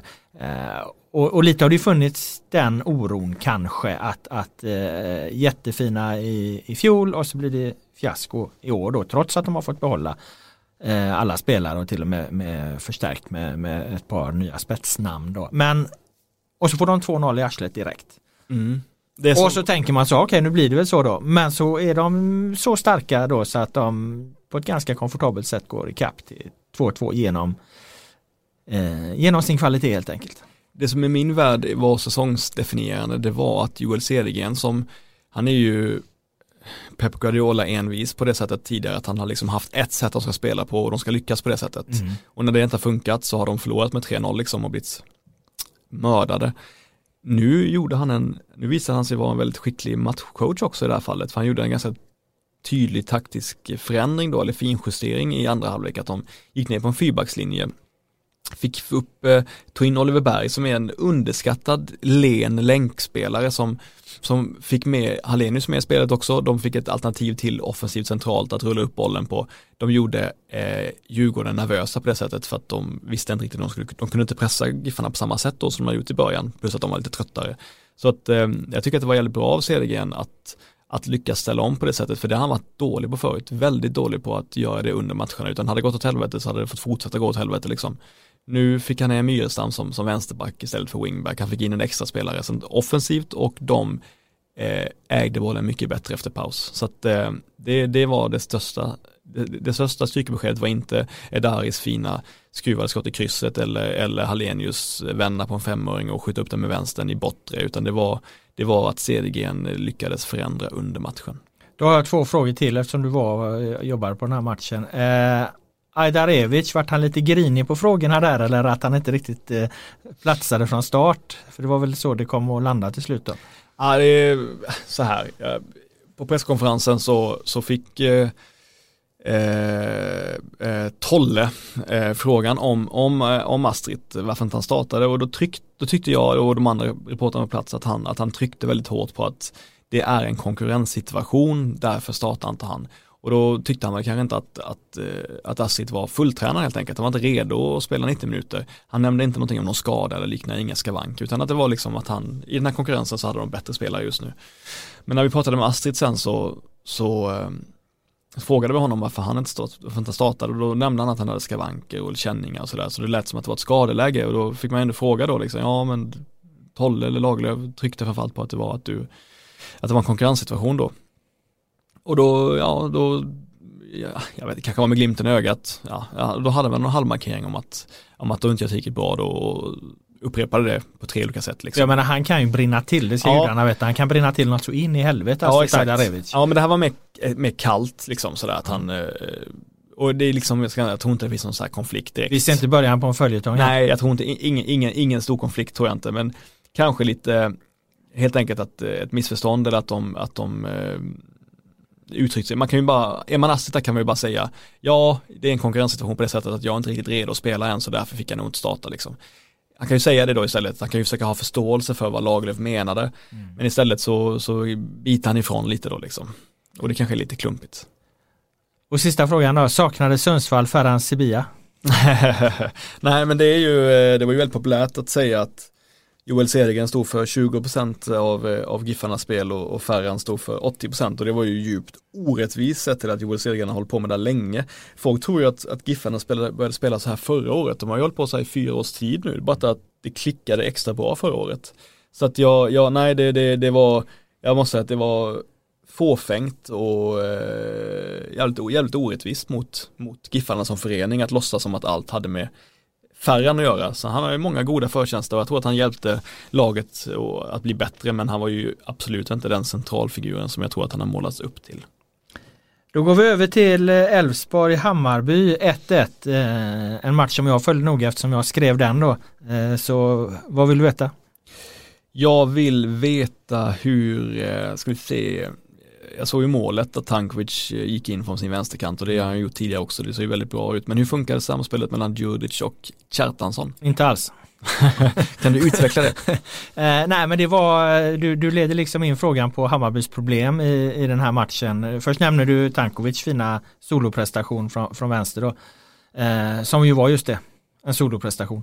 Eh, och eh, sen eh, frågade de om samarbetet, det icke-existerande mellan eh, Jurgic och Kjartansson. Och det var egentligen ett icke-existerande samarbete eh, hela laget, det var egentligen ingenting som hängde ihop. Sen är Hammarby ganska bra ändå och det beror ju på att de har oerhört många skickliga spelare rent individuellt. Så att har du det, ja då kan ju Tankovic eh, vicka lite på höfterna och, och glida igenom där och placera in bollen i, i, i bortre med ett lurigt skott. Då kan liksom Katja Niklic eh, bädda för ett par bra lägen och, och, då kan du få se ett par bra eh, försvarsinsatser från Simon Sandberg och du kan få se honom storma framåt liksom i, i nästa andetag. Men det var liksom ingenting som satt ihop i några längre sekvenser. Vi fick liksom inte en, en jättefin spelvändning av Jeppe Andersen på, på, på, på Kacaniklic som hittade eh, någon av anfallarna i, i boxen där den ena gick på främre och den andra på bortre. Liksom. Det var väldigt få sådana eh, sekvenser som hängde ihop som upprepades. Det kändes som att spelarna spelade kanske väldigt mycket för sig själva eh, och, och, och inte eh, så mycket som ett lag. Eh, det är en klyscha men det, den beskriver ju också någonting. Jag satte det själv som rubrik på min krönika att Hammarby spelar inte som ett lag och, och eh, jag tror att det fångar in hela bilden av Hammarbys prestation i, i, i den här matchen. Kan man liksom förstärka varandra istället för att, att, att, spelarna agerar mer eller mindre i, i något slags vakuum här en, en och en så, så kan det där bli jättebra. Men det är också ett jobb att göra och få det där att fungera.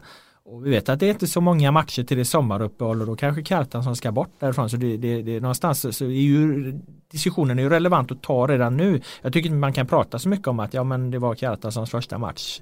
Och så här, men man kanske bara gör tiotal matcher i det här laget sen ska, sen ska han iväg igen. Liksom. Då, då, då, då är det ju faktiskt från början det måste hända om det ska vara något värt med det. Uh, nu såg jag inte matchen som jag var på Djurgården, men, men jag uh, när jag såg startelvan så upplevde jag ändå att, för att jag menar Billborn kan vara ganska lurig där ibland. Han, han, han tar ofta vändningar som man inte har väntat sig och gör uttagningar som känns oväntade.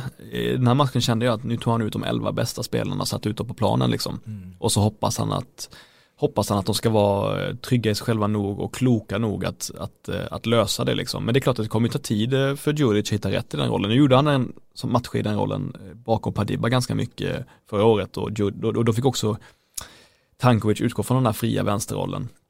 Så men de har ju spelat lite så tidigare. det är klart det blir en annan dynamik med Fänger och Andersen. Fänger är väldigt bra mittfältare för att vara mittback men han är fortfarande mittback. Mm. Så att det är svårare då och kanske få igång, få igång det här rullet bakifrån såklart. Men, men, men, men jag kände att du var positiv till Kacaniklic. Jag, jag gillar också honom som spelare men jag tycker att på försäsongen, det jag såg, jag såg ganska mycket av honom, jag tyckte att han såg lite feg, tam och jag saknade spetskompetens igen då. Men det kanske bara handlar om att han inte var fulltränad så han kanske kom igång ordentligt nu. Ja men alltså Katja Niklic kan ju vara lite så försiktig och så. Det, det, det kommer han ju vara i resten av sitt liv. Alltså det är ju ingen eh, stenhård duellspelare utan ibland kan han upplevas lite vek och så. Det, det kommer ju inte försvinna. Men eh, han är ju jättebra på, på att skapa tid för sig själv och utrymme för att han har sån, sån oerhört god eh, grundteknik. Mm. Och eh, där tror jag att det finns ytterligare procent att ta från det du såg. Har han blivit lite bättre till matchen igår och han kommer bli ännu bättre och redan nu så spelar han på, på en väldigt eh, hög nivå. Han är, han är den spelaren liksom som man, man tycker inte han är så märkvärdig internationellt.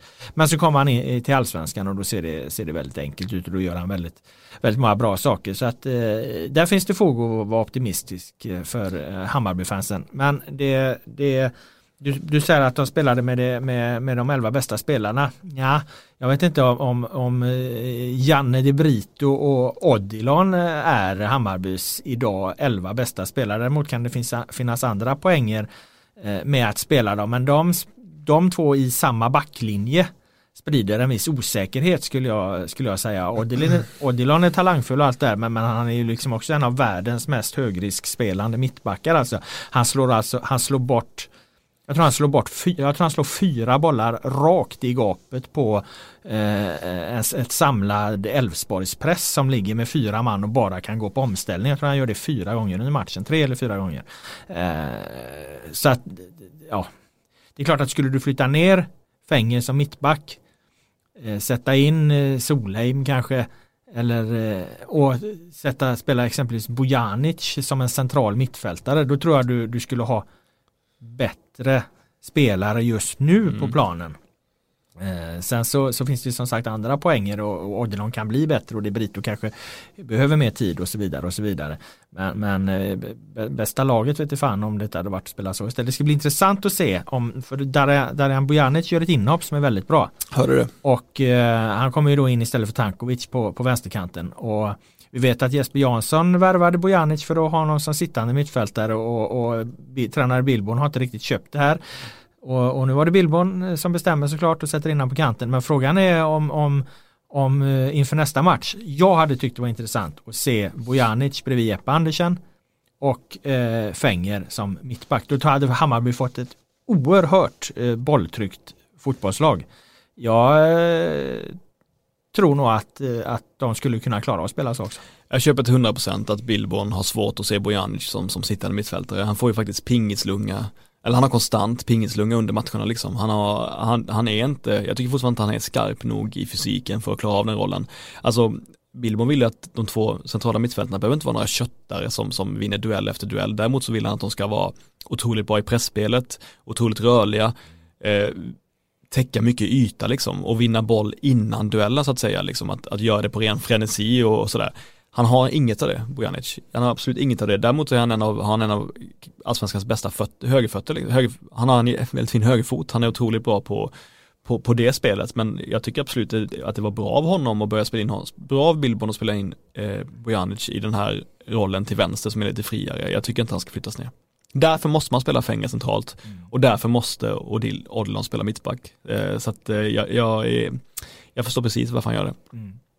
Men det skulle bli intressant att se vad, vad han gör till nästa match. För jag tror inte att han, han, han det, det, du kan inte, det kan inte se ut så liksom. Du kan inte slå bort eh, uppspelen på det sättet som du gjorde och du kan inte ha en spelare som heller då inte riktigt är inne i allsvenskan till vänster. Men om du, om du liksom ja. inte vill, eh, annars riskerar de att bli frånåkta här i början. Det, ja, det beror ju på vad de vill ifall det inte är så jävla noga och så. Men om de ska spela med det absolut bästa laget då, då, tror jag inte de kan, då kommer de inte ställa upp så här eh, i nästa match. Mm, enda sättet att få in dem i allsvenskan är ju också att spela dem. Mm. Tänker jag liksom. Ja, så att man, det får väl vara en kalkylerad risk då helt enkelt. Ja, men då, då kommer man också att ge bort en hel del poäng. Ja. Och eh, då, då kommer det här liksom att få ihop hela det här bygget ta längre tid. Det tror jag att alla får vara beredda att acceptera. I Hammarby? Ja. ja. Jag tror, Nej, det, det, tror jag, det tror jag fansen också gör. Ja. Ja, då, då, då har de inget problem, men då tror jag också att de eh, kan vara borta ur guldracet redan till sommaren. Och det vet jag inte om Billborn är, är, är, så jävla inne på. Så det ska bli väldigt, oavsett vad, vad vi tycker, där, så det blir jävligt intressant att se vad han drar för slutsatser av den här matchen. Mm. Elfsborg då? Ja, eh, jättefin och positiv överraskning. Eh, till skillnad från Hammarby uppträdde de definitivt som ett lag. Eh, satt ihop eh, på ett jättebra sätt. Eh, en väldigt klar och tydlig eh, spelidé. Eh, där de börjar med hur de ska styra pressen och så vidare. Styr den liksom så att eh, Odilon får bollen och, och, och, kan sätta de här eh, eh, galna passningarna då och, och därifrån ställa om. Eh, Sen när de får ett mål då på grund av Hammarbys individuella skicklighet när de får ett mål emot sig, ja då får de ju ställa om och då måste de ju gå med på attack och, och så här och då gör de det jättebra. De är inte sköra mentalt längre? De, de Nej, jag, tyckte, jag upplevde inte det utan jag upplevde att de är, är ganska, att de blir, blir tryggare och tryggare i, i, sin spelidé och så har de en, en, en bra spets längst fram och de var mycket stabilare defensivt än, än, än vad jag kunde ana. Gregersen eh, funkade bra där som, som mittback och då är det trots allt mot ett, ett bra motstånd. Eh, och sen så Sen så gör de ju läxan under matchen. Jag vet ju inte vad som sägs exakt i paus men alltså det är ju en, en eh, det är ju ett, eh, ett fullskaligt eh, anfall mot Hammarbys vänstersida direkt från start i andra halvlek. Alltså allt gick ut mot vänstersidan och, och De Brito som hade problem på alla möjliga sätt där och så att Billborn får ju byta ut honom efter tio minuter på, eh, in på andra halvlek och sätta in Solen som är mer, mer rutinerad. Och jag antar att Jimmy Tillin liksom tittar på det här och, och, och, och säger nu, nu går vi till attack här och eh, i, i den här vevan då som jag skrev, då lyser du skräck ur Hammarbys ögon som är helt tillbakatryckta, helt passiviserade. Vill säga det om det så, det är klart att Widgren, om han är, är, är frisk, vilket han är nu, just nu tycker jag är en bättre vänsterback än Debito. Mm. Men han har inte varit frisk under försäsongen, så hade man haft Widgren där som haft en mycket tryggare spelare. Ja. Men han är ju borta, så det är ju rätt att anfalla på den kanten. Det gjorde ju också alla mot Neto Borges ja. konstant i, i början av allsvenskan förra året, så när de anföll så, så anföll de på hans kant ja. och då fick Hamad gå ner och hjälpa honom jättemycket. Jag är osäker på om eh, Tankovic kan göra det på samma sätt. Nej det gjorde han inte. Han hjälpte tog, tog ut många steg bakåt. Så, eh, men det gjorde inte Elfsborg från början ska sägas utan från början hade de en lite annan matchplan men så gör de den här förändringen i andra halvlek och vinner, vinner en jättefördel av det. De har ju alltså, Cibicke har ju boll i både ribba och stolpe inom loppet av 20-30 sekunder. Det är alltså en, en kanonad mot eh, Hammarbys mål ett tag där. Men alla sådana där anstagningar bedarrar ju efter ett tag. Och eh, det gör ju den här också och, då studsar Hammarby tillbaka ganska bra i matchen. Då kommer ju också bra byten av Billborn. In med Bojanic till vänster, in med Rodic till, till höger. Eh, nytt liv på kanterna och till slut är de ju faktiskt ganska nära att vinna matchen. Ja, men du säger det om Pavel, det är, det är kul att se när han verkligen brinner för det. Alltså, mm. Han var bra. Han låg till vänster eh, utgångsposition ja. nu. Och så hade de Per Frick i mitten. Och så, Dörrvakten Per Frick. Mm. och så hade de Levi ute på, på, på högersidan eh, inledningsvis. Men, men alltså Cibicki rör ju sig över väldigt stora ytor. Ja, men han är ju, han var bra som sagt under våren innan han stack i Malmö också men framförallt så han är ju som bäst när han får vara kungen i laget liksom. Ja, och det är han ju här. Ja, och, och, Jimmy och han har ju en otroligt fin relation som jag förstår det. Eh, Pavel älskar ju honom så att eh, han, han får verkligen, alltså jag tror att, alltså han ser så jävla skarp ut. Eh, han kommer ju göra minst 15 mål. Ja, han kommer nog göra en hel del och, och eh, det lossnar nog redan i nästa match skulle jag tro. De möter IFK Göteborg då. Eh, så att eh, Alltså nu, nu, när man ser många matcher som har gjort den här så ser man ju nivåskillnaden. Elfsborg tror jag inte kommer vara indragna i någon bottenstrid. Det, det jag känner mig ganska säker på. De kan nog eh, titta lite högre upp. eller de kommer definitivt kunna titta högre upp i tabellen än vad de vad de gjorde i fjol. Eh, och det bygger inte bara på Cibicki och de här offensiva spelarna utan det är just eh, att, att de ändå fungerade så pass bra defensivt som de, som de gjorde. Nu, förvisso då mot ett Hammarby som inte agerar som ett lag och där det är mycket liksom individuella punktinsatser och så här, men, men, det krävs ju något för att ta bort dem också när man möter så skickliga spelare. Hammarby har så många skickliga spelare som kommer fram där och, och att, att, stå upp så bra mot dem som, som Elfsborg gjorde är, är imponerande och jag tror att för Elfsborg var den här känslan de tar med sig efter den här premiären, även om de inte fick tre poäng. Jag tror att den betydde väldigt mycket. Och när jag ser på elvan så ser jag att de har packat väldigt mycket centralt med Holmén, Olsson och Gojani. Ja. Vilket man vill göra mot Bayern för Bayern vill ju ha ett övertag centralt. Ja. Eh, så eh, det kan man ju förstå att de gjorde. Det var väl lyckosamt ja. också. Ja, absolut. Och äh, målet är ju en jättefin taktisk finess där äh, Gojani går ner och så kommer, vad heter han, äh, högerbacken där. Holst. Just det, som plötsligt får mycket offensivare position emellan Fällman och, och De Brito. Försöker Fällman, försöker Fällman ställa där också? Ja, han försöker ställa honom offside då istället mm. för att följa med löpningen. Men ingen och, hänger med resten av backlinjen? Nej, Odilon tänkte nog inte så mycket på det liksom. Nej. Så att eh, det, det ja. Eh, jag, eh, jag, Fällman tycker jag borde varit rutinerad nog att följa löpningen i det läget istället. Och det är det jag menar, det är också en grej man, när man pratar om det här att man inte att det blir mycket individuella insatser och, och man inte fungerar riktigt som ett lag. Så då tittar man ofta på de offensiva bitarna men här, där är det också en sån sak som inte riktigt också hänger mycket, ihop. Också mycket möjligt att, att, att hade han haft Fänger bredvid sig så hade han följt med på den uppflyttningen. Liksom. Ja, jag menar det. det, är väl så. Menar ja, ja. Jag menar det. Eh, nu har vi hållit på ganska länge, ska ja. vi gå över på sista matchen? Eh, absolut, det är eh, Malmö FF eh, Häcken och den slutar ju då 1-1 och eh, det är ju en klar missräkning för eh, favorittippade och favorittyngda Malmö FF. Ja så är det ju. Vi ska ju vara helt transparenta här och säga att vi såg ju på två andra matcher när det pågick. Vi har ju försökt läsa på så mycket som möjligt och, och kolla på alla highlights som finns att tillgå. Eh, men jag har inte så mycket att säga om den här matchen. Nej, Tyvärr, ja, alltså. ja, alltså det, det, jag, jag tycker man kan säga att det är en klar missräkning. Malmö FF inleder hemma. Eh, de är ett lag som Ja, alltså det går inte ens att, det går inte att tippa något annat än Malmö FF utan att betraktas som, som en jävla idiot av, av de så kallade tipselitisterna. och eh, ja men då måste man ju också eh, sikta in sig på när det inte blir som, som man har tänkt sig. Och 1-1 eh, förvisso mot ett form, formstarkt eh, Häcken. Men eh, om Malmö FF ska vara, vara den här maskinen då är det klart att de ska vinna sina hemmamatcher. Om man säger så här, jag är inte överraskad av att Lasse Nilsson gör defensiva misstag som gör att det, finns, att det sprider en osäkerhet i, i, i Malmö. Däremot så är jag ju otroligt överraskad av att, att Bachirou tappar boll på ett sätt som leder till att, till att Häcken gör mål. Eh, Bachirou ska inte göra det, han får inte göra det. Så att eh, på samma sätt som man kritiserar Nielsen när han gör klantigheter så borde faktiskt eh, Bachirou få en skopa ovett för, för, för det beteendet i slutskedet av matchen.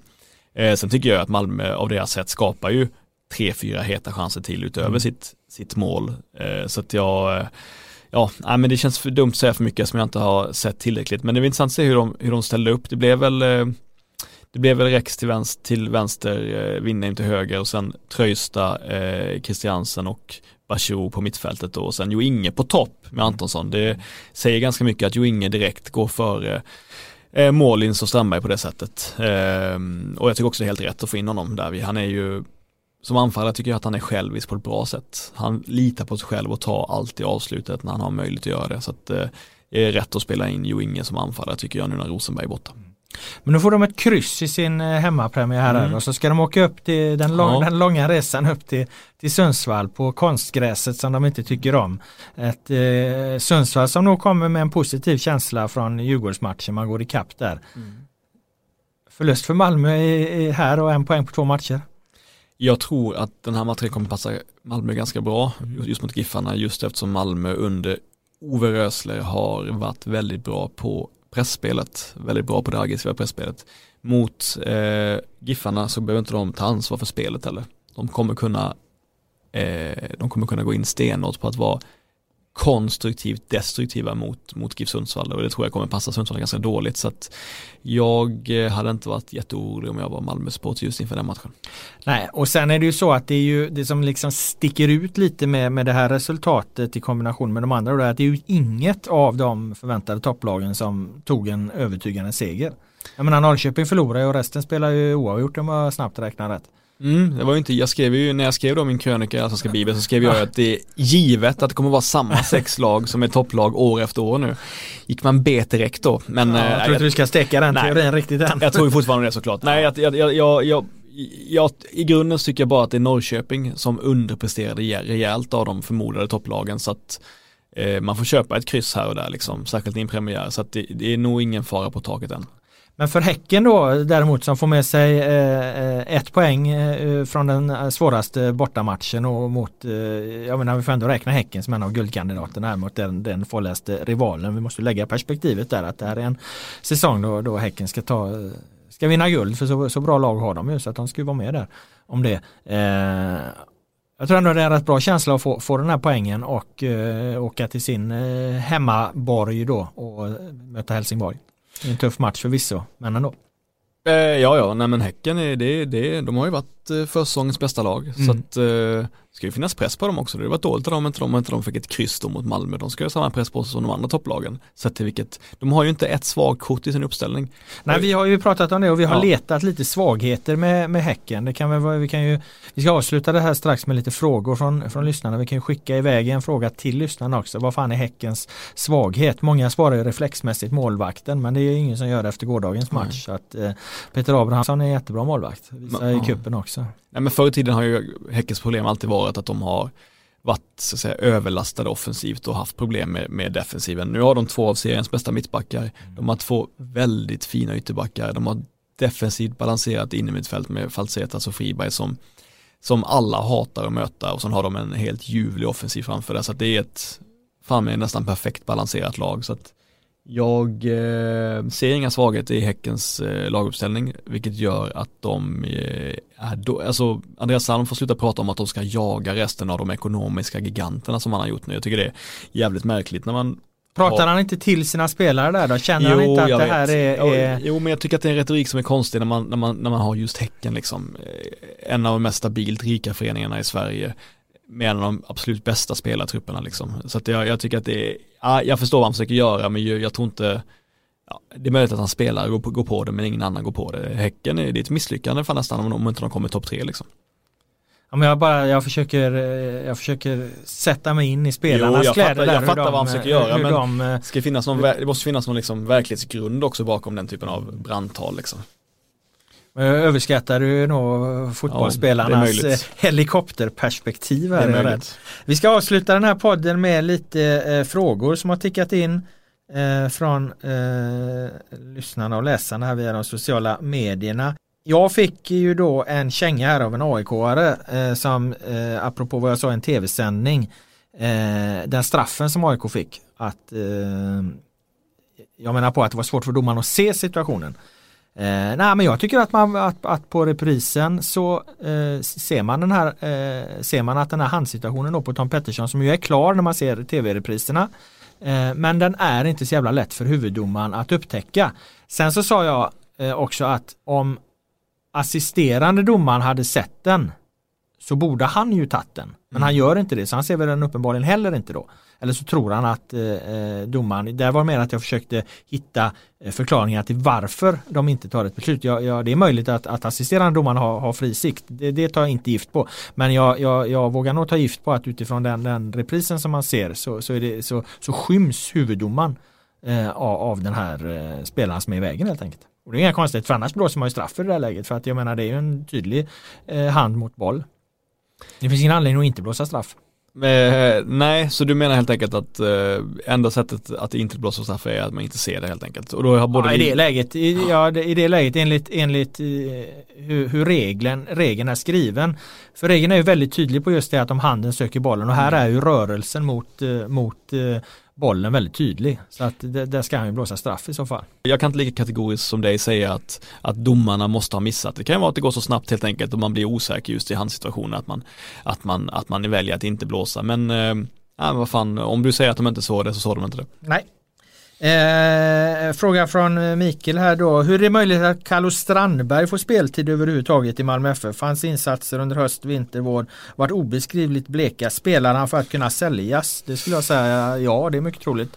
Ja, jag håller med om det. Det är sorgligt tycker jag. Eh, Carlos, eh, man säger det alltid, alltid liksom, han har ju en eh, råpotential som är eh, eh, alltså otroligt, otroligt, otroligt hög. Jag tycker att han är, skulle kunna varit en fantastisk spelare. Men Alltså, jag tycker Carlos typ är exakt samma spelare som när han slog igenom i Häcken för fem sex år sedan. Mm. Alltså, jag, jag, jag, alltså han är ju samma, han, han, är ungefär lika bra som då liksom. Jag ser inte hur han har utvecklats nästan under den tiden. Och det känns ju ledsamt sett till vad han har för potential. Det, det, det är, nej, han, han har varit ett stort det känns hårt att säga det men än så länge har det varit totalt misslyckande att värva Carlos Strandberg. Särskilt sett som att han kostade ganska mycket pengar och fick en, en väldigt hög sign-on bonus som jag förstår det. Så att, eh, nej, det är än så länge en riktigt dålig affär av Malmö. Jag vet inte fan om vi har så många med. Det var ett gäng eh, frågor till där men jag tror också att vi har besvarat många av dem i och med våra genomgångar där. Så att eh, vi kanske ska ta och eh, stänga butiken för den här gången. Vi har gått igenom samtliga lag. Mm. Och eh, vi tar nya tag inför allsvenska omgången nummer två. Tack ja. så mycket Per Boman om du inte har något mer att tillägga. Nej, kul att vara här och god fortsättning. Då tackar vi er som har lyssnat och Allsvenska podden är som sagt tillbaka nästa vecka.